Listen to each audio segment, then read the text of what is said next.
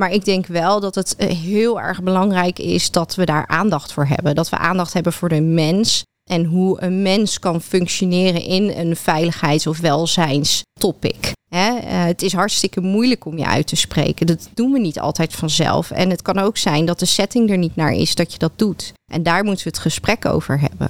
Je luistert naar Verhalen in Veiligheid. Deze podcast brengt verhalen over veiligheid samen met de mensen die het doen. Met wisselende onderwerpen. Verhalen vanuit de wetenschap, verhalen vanuit de praktijk, maar vooral verhalen die raken. Uw presentatrice is Orlie Polak. Welkom luisteraars, het is weer tijd voor een uh, mooie podcast. Ik zit vandaag met mijn favoriete klant in de studio, Katie Polderman. Ja, ook uh, niet de nadelen van alle andere klanten, maar soms uh, heb je een hele bijzondere band. Katie is business partner Safety Home Office Environment en Quality Manager bij Eneco, een bedrijf waar ze al meer dan 16 jaar werkt. Katie heeft een passie die wij samen delen voor cultuur en voor het bouwen van vertrouwen verbeteren van samenwerken en continu leren en verbeteren. Katie, superleuk dat je er bent. Dankjewel Orly. Wat leuk dat ik uitgenodigd ben. We gaan het hebben over uh, veiligheidscultuur. Ja, kijk ik heel erg naar uit. Sowieso naar dit gesprek. Dus, uh... Ja, superleuk. En de luisteraars uh, denk ik ook, want ze gaan er heel veel van leren van hoe bouw je nou aan een veiligheidscultuur? Welke tools kun je daarvoor inzetten? Waar loop je tegenaan? Ja, wat zijn dingen wat jij geleerd hebt wat je mee kan geven?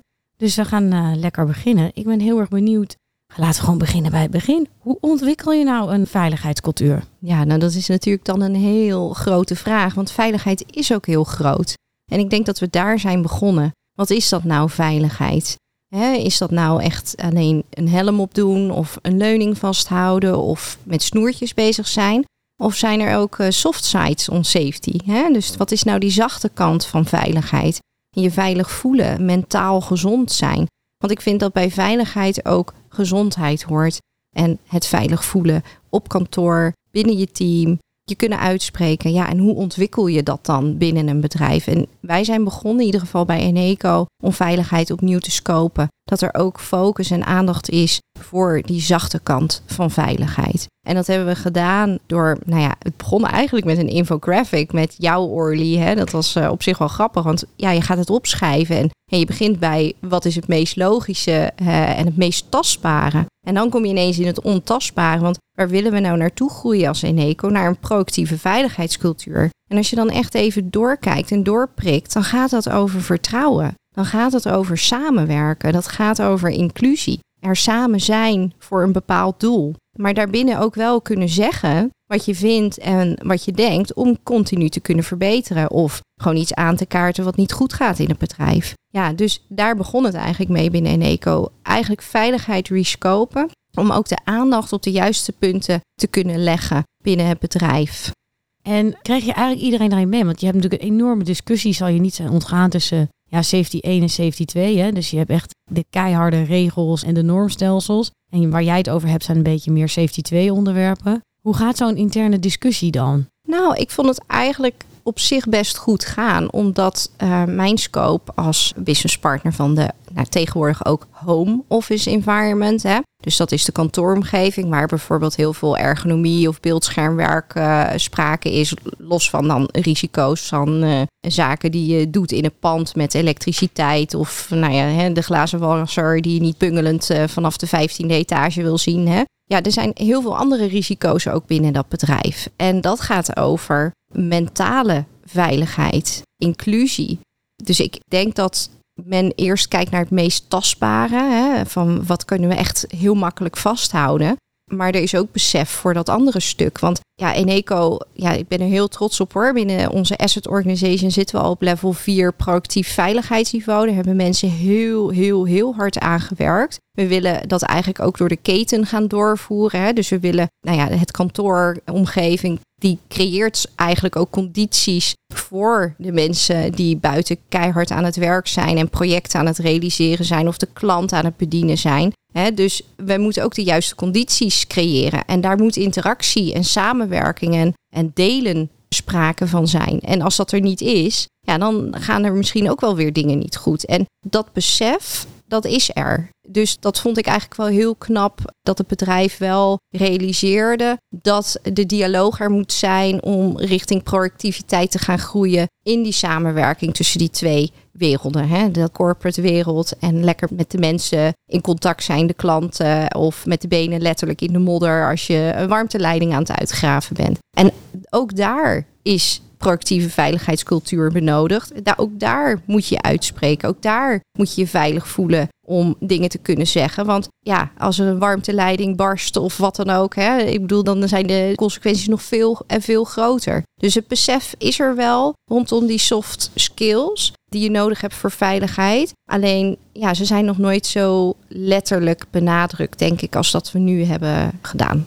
En is dat ook jullie geheim? Ja, dat, gewetensvraag. Ja, dat is een gewetensvraag. Ja, want ik, ik ben niet een type mens en misschien klikt het daarom zo goed tussen ons waar je over begon. Die zegt van, nou wij doen het zoveel beter. Hè? Maar ik denk wel dat het eh, heel erg belangrijk is dat we daar aandacht voor hebben. Dat we aandacht hebben voor de mens en hoe een mens kan functioneren in een veiligheids- of welzijnstopic. Hè? Uh, het is hartstikke moeilijk om je uit te spreken. Dat doen we niet altijd vanzelf. En het kan ook zijn dat de setting er niet naar is dat je dat doet. En daar moeten we het gesprek over hebben. Hoe erg is het dat je ergens ontevreden over bent en je hebt het gevoel dat er niet naar je wordt geluisterd? Want je kan ook natuurlijk wel je uitspreken, maar als er dan niks mee gebeurt, dan doet dat ook iets met je. En daar moeten we het gesprek over hebben. En, en dat is dan dat, dat andere stukje passie van mij, van dat continu verbeteren. Want we kunnen niet verbeteren als we ja, niet luisteren of niet durven te zeggen wat er aan de hand is.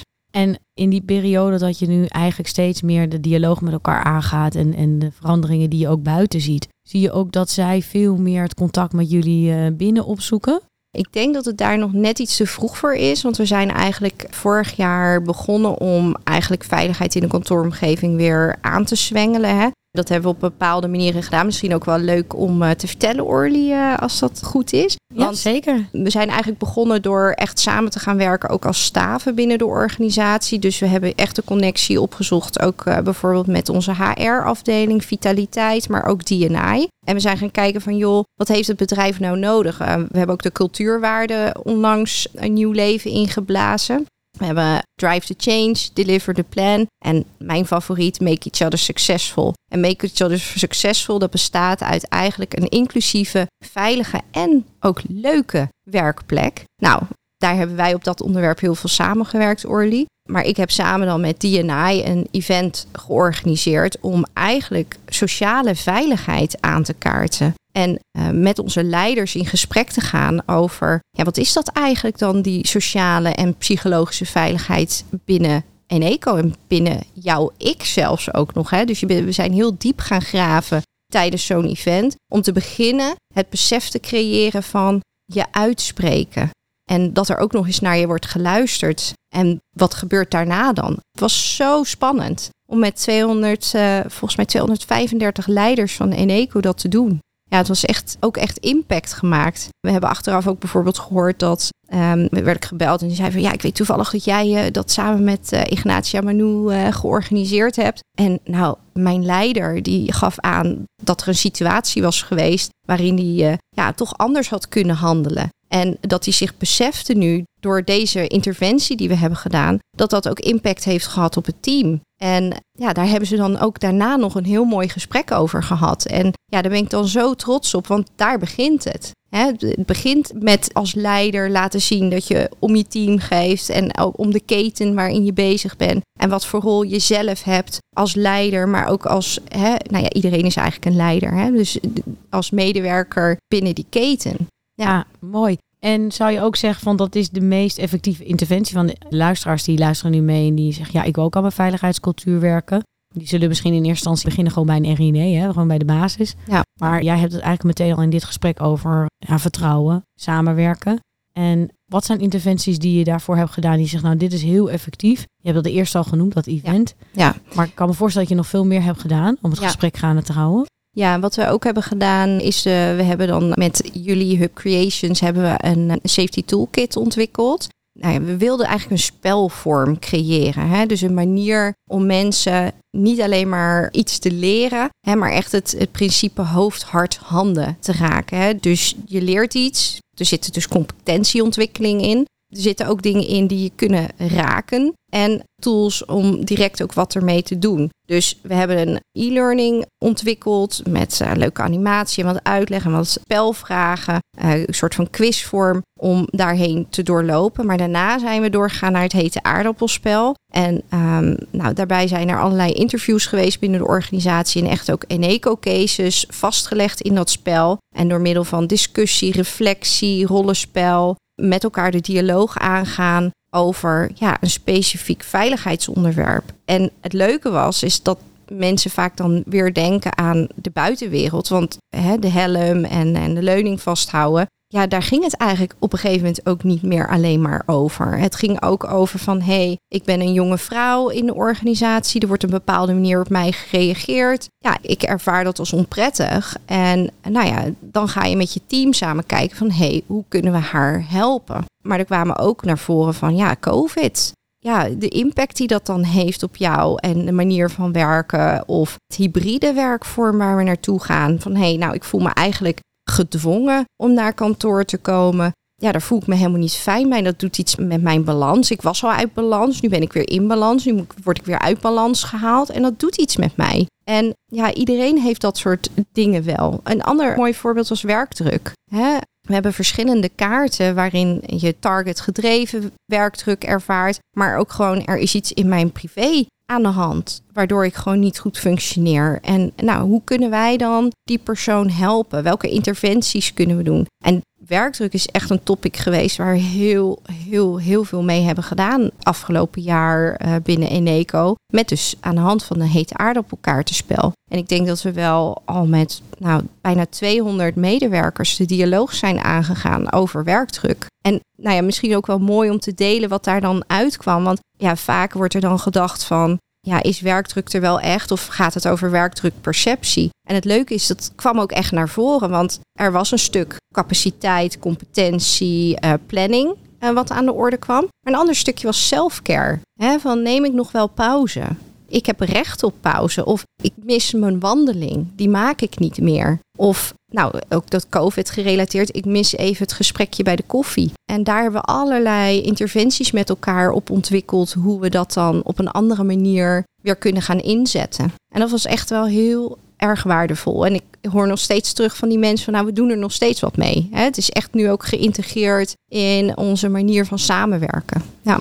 Maar is dat ook een randvoorwaarde eigenlijk voor als je naar een proactieve cultuur wil, dat je vooral ja, je verbonden voelt met je collega's? Ja, ik vind van wel. Ik vind dat die verbondenheid kan je ook vinden in deze tijd van COVID. Hè. Het is wel een stuk moeilijker. Maar verbondenheid, uh, dus het gevoel hebben dat je erbij hoort, dat je op elkaar kunt vertrouwen, dat je kan delen, dat je mag samenwerken met elkaar, met de negatieve en de positieve kanten die er zijn. Hè? Je mag er gewoon zijn. Ik denk dat dat in die verbondenheid. Ik denk dat dat heel erg belangrijk is om dus proactief te kunnen zijn. Want als jij het gevoel hebt dat jij kan delen en onbevooroordeeld kan delen, dat je dus ook kritisch mag zijn. Ik juich dat toe in mijn teams. Ik vind het echt, echt zo fijn als er wordt gebeld en gezegd van, ja, ik was in dat overleg en ik zat na te denken. Ja, achteraf denk ik van, ja, misschien moeten we die kant op gaan. Of, nou, en dan gaan we weer dat gesprek met elkaar aan. Het is zo belangrijk, want je, je versnelt, hè? je vertraagt niet. Je versnelt juist en je haalt, je bundelt eigenlijk alle best practices bij elkaar. Dat is dat stukje deep democracy, hè, dat stukje tegengeluid is zo belangrijk om ja, te kunnen groeien met elkaar. En ook dus weer te kunnen verbinden. Maar dat lijkt me ook best wel eh, lastig te organiseren. Hè? Ruimte geven aan de stem van de minderheid. Loop je daar nog tegen obstakels aan? Ja, want het begint eigenlijk ook al met durf. Want als jij dus iets durft te zeggen, dat is al lastig. Maar wat wordt er dan mee gedaan als ik dan iets durf te zeggen? Wat zijn we daar ontvankelijk voor? Staan we daarvoor open? Want als iemand iets durft te zeggen en het valt niet helemaal in de smaak van de groep, uh, hoe wordt daar dan mee omgegaan? En dat is natuurlijk een hele moeilijke stap. En ik, ja, ik moedig het aan, ik stimuleer het en ik spreek het ook echt uit. Ik vraag er ook naar van, heeft iemand nog het gevoel of die wat wil zeggen over dit onderwerp? Uh, of als iemand heel stil is geweest, vraag ik van, joh, hey, je bent heel stil geweest. Uh, ben je het er helemaal mee eens? Want dat is natuurlijk de aanname die men vaak doet. Maar misschien vind je wel iets anders. En ik, ik zou het heel graag willen horen. En het mooie is, ja, ik ben heel trots op mijn team. Op mijn teams trouwens, met een S erachter. Die doen dat ook. En dat is een stukje caring leadership, denk ik, die je moet tonen als mens, als leider, leidinggevende. En nogmaals, ik vind dat iedereen een leider is. En dat zie je dus ook gebeuren. Want ik hoef het ook niet meer altijd te zeggen. En dat is echt fantastisch, maar het is wel een groeiproces. Dat is niet iets wat natuurlijk in een paar weken geboren is. Nee. En als je dat als organisatie dat groeiproces wil stimuleren, zijn er ook nog andere dingen die je kan doen behalve het gesprek gaande houden en leren? Moet je ook iets doen als organisatie? Ja, ik vind wel dat je het goede voorbeeld continu moet geven als organisatie. Dus je mag het ook laten zien. En die verbinding opzoeken, denk ik, als organisatie met de mensen.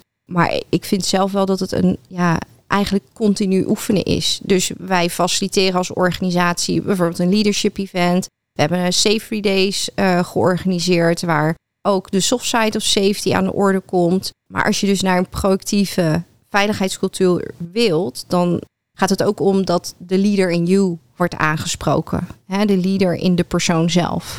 dus wij kunnen natuurlijk heel veel dingen doen als organisatie en tools ontwikkelen, trainingen geven, uh, leuke dingen doen, hè, want dat hoorde bij dat stukje Make Each Other Successful.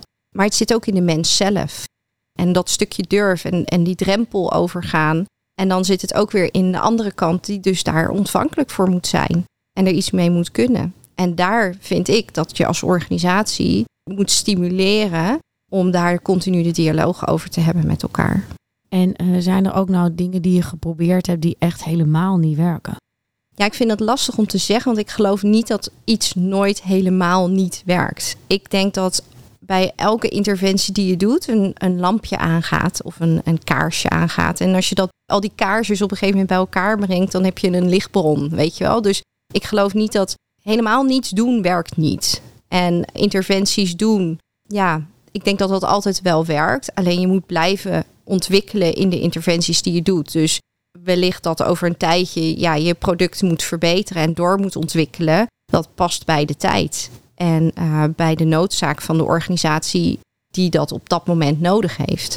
Maar ik geloof niet dat een interventie nooit helemaal niet werkt. Ik geloof wel dat helemaal niets doen niet werkt. En als ik, uh, je bent natuurlijk allemaal luisteraars, ik wil graag uh, jou nadoen als bedrijf. Ik wil ook een proactieve cultuur. Wat zou jouw advies zijn voor de waar ga ik mee beginnen? Ik zou zelf het voorbeeld zijn. dus als je even geen middelen bent, hebt en geen resources hebt, begin dan bij jezelf en wees het voorbeeld. Wees kwetsbaar. Geef aan dat je ergens iets van vindt. En geef aan wat het met je doet, heeft gedaan als het niet goed ging of wel goed ging. Ehm, deel je fouten. Want als jij dat doet, dan gaat een ander dat ook doen. Weet je wel, je bent gewoon een firestarter eigenlijk. Nou ja, dat klinkt heel onveilig eigenlijk, een nee, firestarter. barbecue. maar nou, laten we er iets... Uh, en de sneeuwbal is ook niet goed als je uiteindelijk in een lawine terechtkomt. Maar jullie begrijpen wat ik bedoel. Weet je, je kan zelf echt een verandering maken door vanuit jezelf dingen te laten zien en, en moedig te zijn. En daarnaast ook als je begint in je eigen team bijvoorbeeld. Hè, en daar hoef je echt geen leidinggevende te zijn. Nogmaals, iedereen is een leider. En, en geef eens aan van, nou, ik, ik zou graag een check-out willen bijvoorbeeld. Ik wil graag even teruggeven hoe ik deze meeting vond. En mocht je dat niet in een groepsetting durven, nou, ga eens naar je andere collega of je leidinggevende toe en zeg van, joh, ik voelde me niet helemaal inclusief.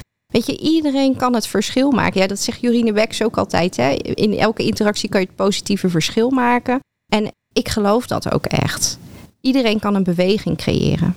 En als laatste vraag ben ik wel benieuwd.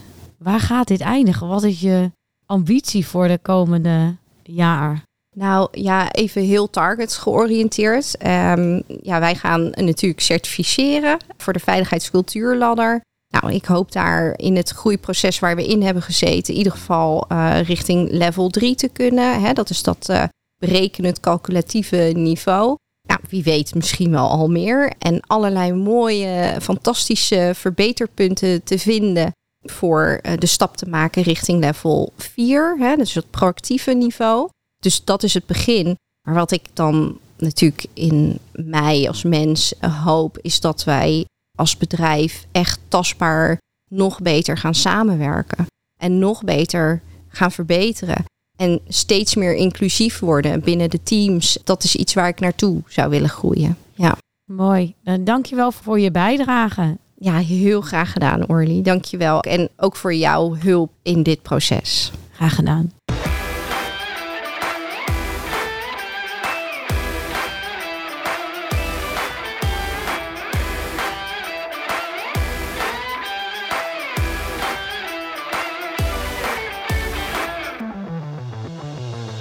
Je luisterde naar Verhalen in Veiligheid. Wil je niks missen van deze podcast? Abonneer je dan op deze podcast in je favoriete podcastplatform. En laat een review achter in Apple Podcast.